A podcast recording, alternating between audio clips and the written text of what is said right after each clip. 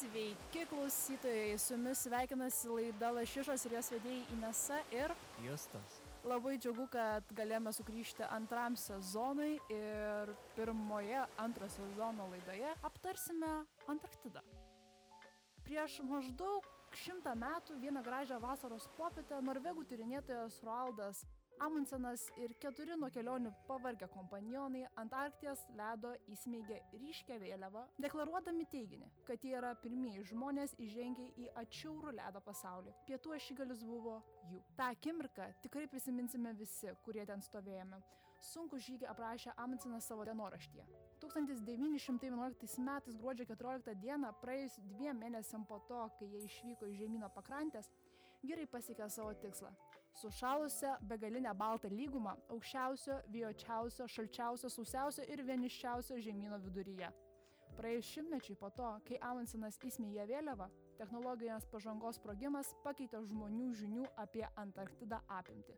Taigi jūs tik, kas ta Antarktida? Antarktida tai yra penktasis pagal plotą žemynas, kuris plyti aplink pietų ašigalį. Žodis Antarktida arba Antarktika reiškia priešingas Arktikai šiauriausiai Žemės rutulio sričiai. Tai yra šalčiausias, kaip minėjo Nesa, labiausiai vėjuotas, nuošaliausias ir mažiausiai ištyrinėtas žemynas. Jį skalauja Antarkties arba Pietų vandenynas, kurį sudaro pietinės Atlanto, Ramiojo ir Indijos vandenynų dalys. Tačiau Antarkties vandenynas dažnai laikomas atskirų vandenynų dėl žemesnės jo vandens temperatūros ir mažesnio druskingumo kiekio. Antarktidą 1820 metais atrado keletas keliautojų ir tyrinėtojų. Tad koks biznis ir kodėl mes šiandien apskritai susitikome šnekėti apie Antarktidą?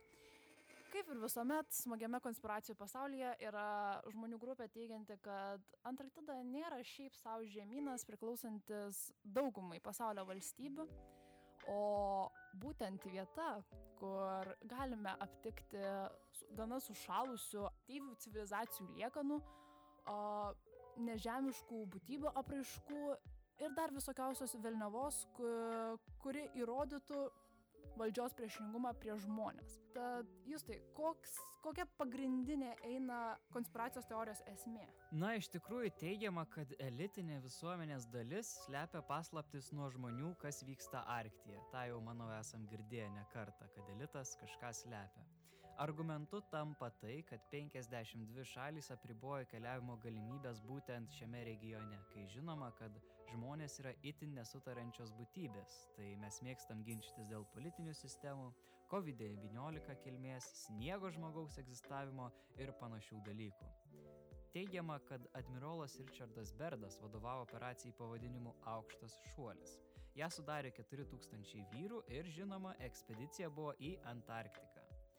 Vyro dienoraštyje rašoma apie įėjimą į kitą pasaulį, apie ateivių technologijas, žalius miškus ir milžiniškus žinduolius. Richardas buvo amerikiečių jūrų laivyno karininkas, lakūnas, poliarinis tyrinėtojas. 1929 metais pirmasis istorija praskrido virš pietų ašigalio. Taip pat teigia pirmasis lėktuvu pasiekęs šiaurės ašigalį, tačiau abejojama, ar jis iš tiesų buvo pasiekęs patį ašigalį. Jo asmenio dienoraščio užrašai rodo visai kitas skrydžio koordinates nei pateiktos oficialioje ataskaitoje National Geographic.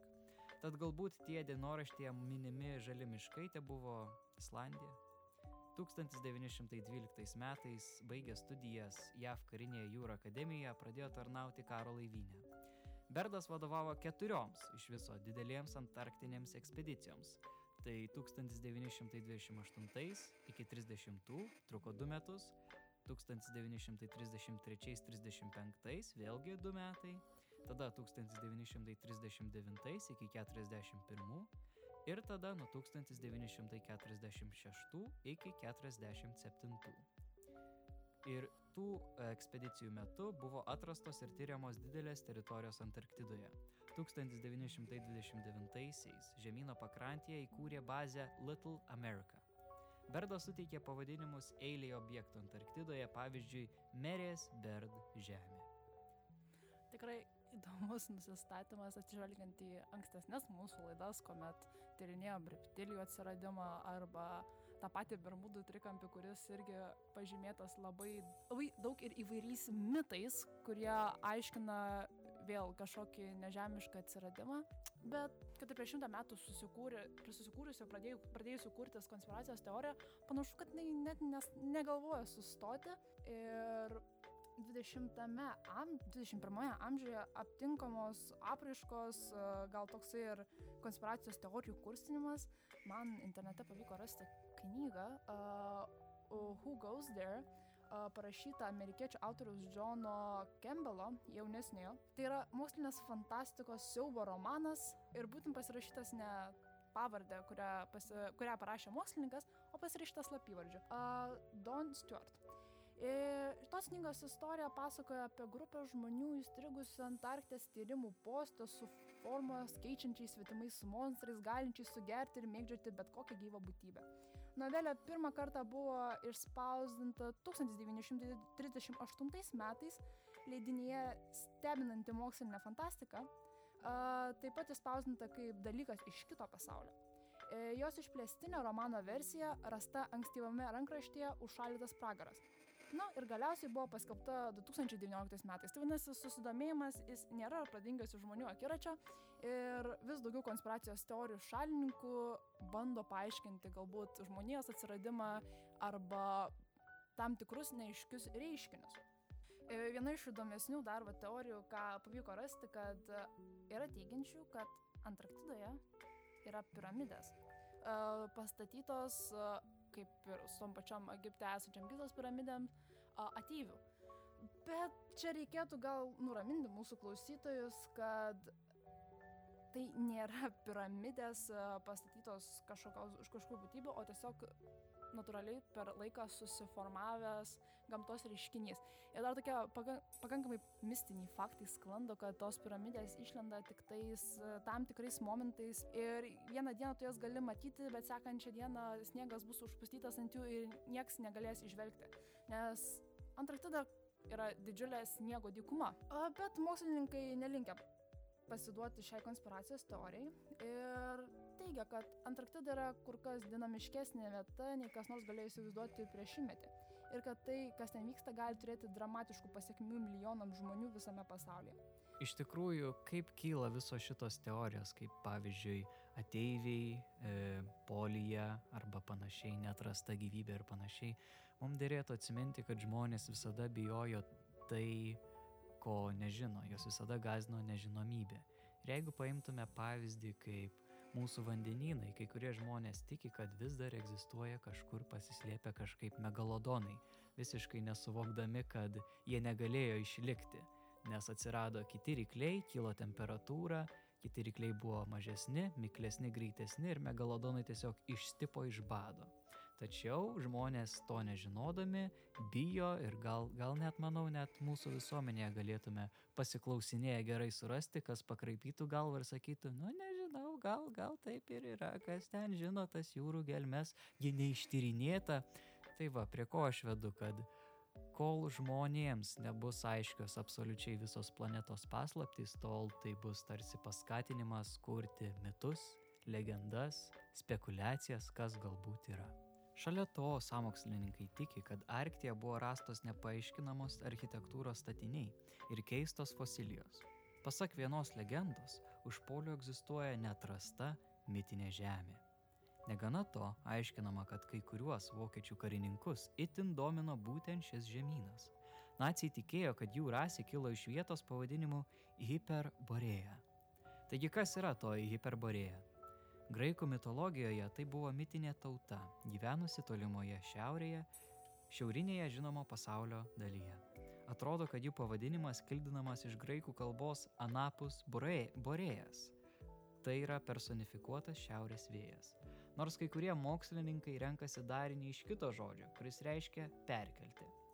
Nepaisant to, kad hiperborėjiečiai buvo įsikūrę kitaip šaltoje pasaulio dalyje jie gyveno saulėtoje, vidutinio klimato ir dieviškai palaimintoje žemėje, be ne kaip tikras rojus. Daugelį istorijos versijų jie gyveno į šiaurę nuo Rifės kalnų, kurie juos apsaugojo nuo šalto šiaurės vėjo poveikio.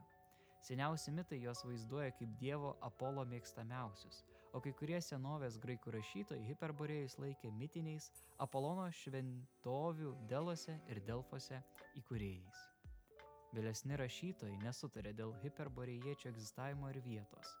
Kai kurie juos laikė grinai mitologiniais, o kiti susijęjo juos su tikro pasaulio tautomis ir vietomis. Šiaurės Europoje, pavyzdžiui, Britanijoje, Skandinavija ar netgi Sibiras. Viduramžių ir renesanso literatūroje hiperborėjai pradėjo reikšti nuošalumą ir egzotiką.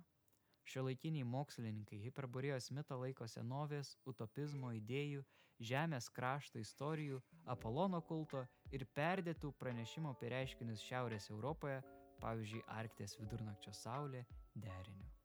Ir gan toksai fun faktas, um, radau vieno žmogaus blogą, bet dabar pavardės nepasakysiu, kuris ryškiai susinervinęs šiom teorijom e, yra parašęs nemenką straipsnį apie Antarktidą ir joje plytinčius mitologinius, mistinius dalykus. Tai atsidarius blogą galime pamatyti nuotraukas keltas iš Google žemėlapio ir po apačią paaiškintų demitizavimu, kodėl neturėtų tikėti žmonės tom visom konspiracijos teorijom. Ir pagrindas yra tas, kad uh, Lietkalniai tikrai ir nuotraukos atrodo kaip laivai, sugriuvėsiai, bet skaudi tiesa yra ta, kad ten per amžius išlikusios iškilusios uolienos arba į laivo formą išlūžę lietkalniai. Grįžtant prie mokslo, prie teiginių paremtų mokslu ir faktais, uh, mokslininkai taip pat krapšto galvas ir suka, kaip čia galėtų,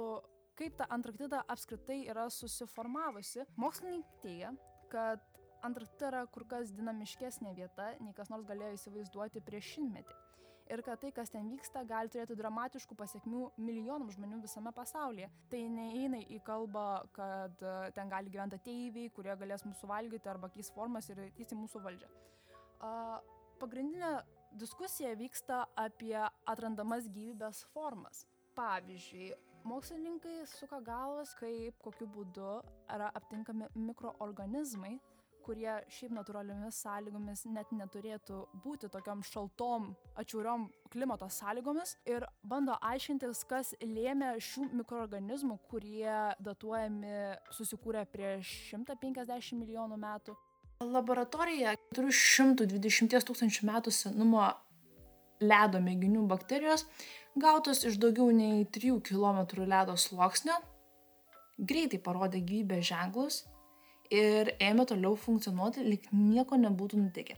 Aišku, tai galbūt nereikėtų pradėti kelti panikos, nes, kaip žinome, bakterija gali susikurti aplink save apsauginį sluoksnį, kuris bus iki tol, kol susikurs geresnės sąlygos bakterijai veistis, daugintis ir gyventi.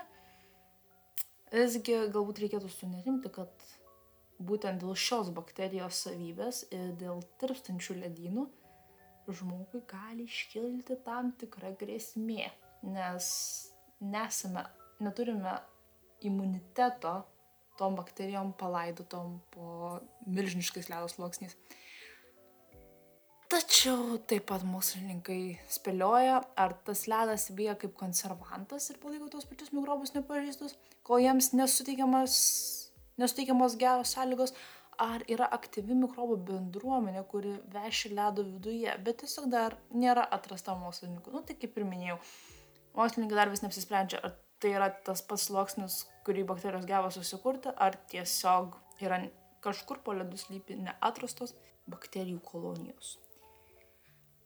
Tai kas tiksliai kelia mokslininkam susidomėjimą arba susirūpinimą? Kaip teigia Jonas Šarlas Prisku, mokslininkas Antarktidą tyrinėjantis jau 27 metus, kad šiaip paėmus e, Antarktidoje nesurandama labai daug mikrobų, Tai apie 300 ląstelių vienam mililitre ledo ir 100 tūkstančių ląstelių jūros vandenyje. Bet jos aptinkamos mažose skysto vandens gyslose, kitaip vadinamos pažeminėse upėse, kurios kerta kietą ledą ir tarnauja kaip maži namai mikrobams. Taip pat aptinkama maistinių medžiagų, kurios galėtų būti idealus maisto šaltinis alkanam mikrobui. Kyla klausimas, ar jie ten gyvena, ar tai yra funkcinė ekosistema. Laboratorija 400 atliktų 20 tūkstančių metų senumo ledo mėgi, mėginiuose bakterijos gautos iš daugiau nei 3 km ledo sluoksnio greitai parodė gyvybės ženklus. Ištirpiname vandenį ir jie atsigauna ir tęsia savo gyvybinės funkcijas. Tačiau vis tiek nelieka aišku, ar ledas tiesiog veikia kaip konservantas, ar palaiko tos mažus mikrobus nepažįstus, kol jiems nesuteikiamas šiltas maistas, ar tai yra aktyvi mikrobų bendruomenė, kuri veši ledo viduje, bet kadangi dideli ledo sluoksniai slepia visą šitą informaciją, tad mokslininkai vis dar stengiasi suieškoti atsakymų. Tai kaip teigia John Prisku, bakterijos galbūt yra dar sąstingio būsenos ir per tą pusę milijonų metų kelionę tiesiog arba buvo visiškai nefunkcionuojančios arba gyveno labai lietai. Taip pat uh, Griffiths uh, minėjo, kad viena labai įdomi sritis yra beveik neištyrinėtas vandenynas po ledo sluoksniais. Tai teikti, kad Antarktida yra visiškai sąstingėje esantis žemynas negalime, nes kaip atranda mokslininkai, egzistuoja požeminės upės, požeminės ekosistemos. Ir gal toksai įdomus faktas, kad didžiausias esantis Antarktidoje ledo plotas yra Roso plotas, kuris net siekia iki 510 tūkstančių kvadratinių kilometrų arba 3,7 procento viso Antarktidos ploto. Tad neištyrinėti plotai yra milžiniški ir mokslininkai vis tengiasi atkasti kas, kur ir kaip. Griffiths, mokslininkas, davė interviu Our Amazing Planet. Teiginys buvo toksai, iš esmės mes labai mažai žinome apie tai, kas gyvena po ledu. Ir vienintelės vietos, kuriuose galime tai pamatyti arba atrasti, yra kelios mažesnės įgriuvusios ledo daubos. Tad teikti pilnai, kad ten egzistuoja nežemiška gyvybė, ar nors gal teikti, kad egzistuoja žemiška gyvybė visai galima sakyti, nes mikrobai jie, nu, jie žmonijai nėra žinomi ir tai galėtų būti kaip ateivių formos, nes kažkur skaičiau straipsnį, kad Marse aptikta kabutėse nežemiškoji forma buvo būtent mikroorganizmų, bakterijų, nes yra teigiama, kad Marsas anksčiau buvo vandeninga planeta ir galimai ten klėstėjo gyvybė. Kokios tavo mintis jūs tai apie tai? Iš tikrųjų, vertėtų nepamiršti, kad mes visi, e, apskritai visa gyvybė ateina iš ten pat, tai yra iš kosmoso, tad tikrai nemanau, kad yra keista, jeigu mes randame panašumų tarp Marso ar kitų planetų ir Žemės, nes, na, mes vis dėlto viena ar ta pati sistema. E, aš iš tikrųjų dar norėčiau pakalbėti apie kitus faktus, kuriais naudojasi samokslininkai, būtent kalbėdami apie Antarktiką.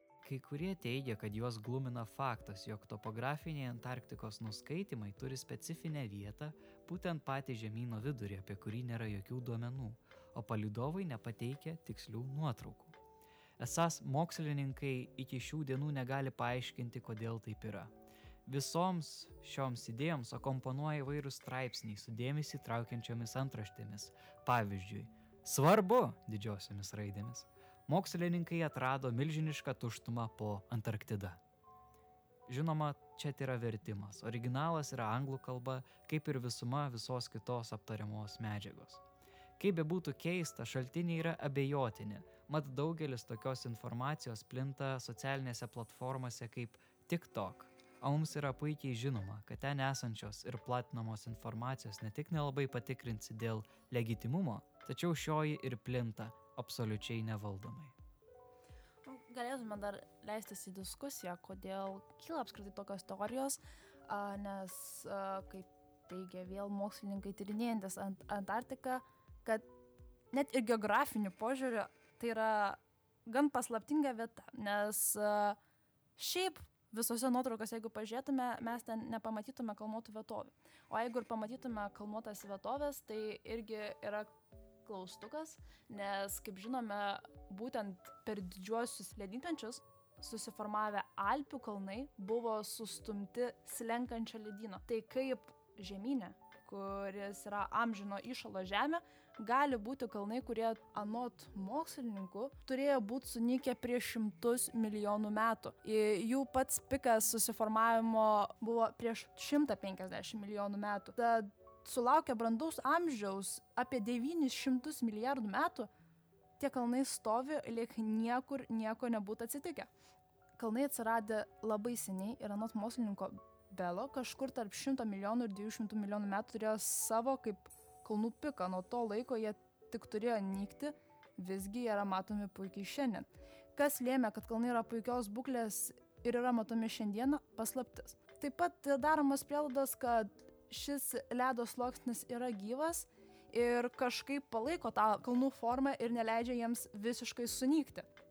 Tiek mokslinių atžvilgių, tiek konspiracijos teorijų atžvilgių šitas žemynas yra gan mistiškas pats iš savęs, nes jis po milžiniškų ledų sluoksnių saugo pasaulio susikūrimo istoriją. Tad galbūt teikti, kad ten gyvena nežemiškos būtybės, kurios kaip nors susijusios su reptilijomis esančiamis valdžioje arba ateiviai siekiančiais užkariauti mūsų pasaulį, negalim. Bet ar ten yra neaptiktos gyvybės formos, kurios galėtų turėti įtakos mūsų kasdieniam gyvenimui, Čia parodys tik tolimesni mokslininkų tyrimai. Uh, ir gan toksai smagus faktas, kurį suradau visai be, beskaitinėdama apie Antarktiką, kad labai daug žmonių yra manančių, kad pingvinų pagrindiniai priešai yra poliarinės meškos.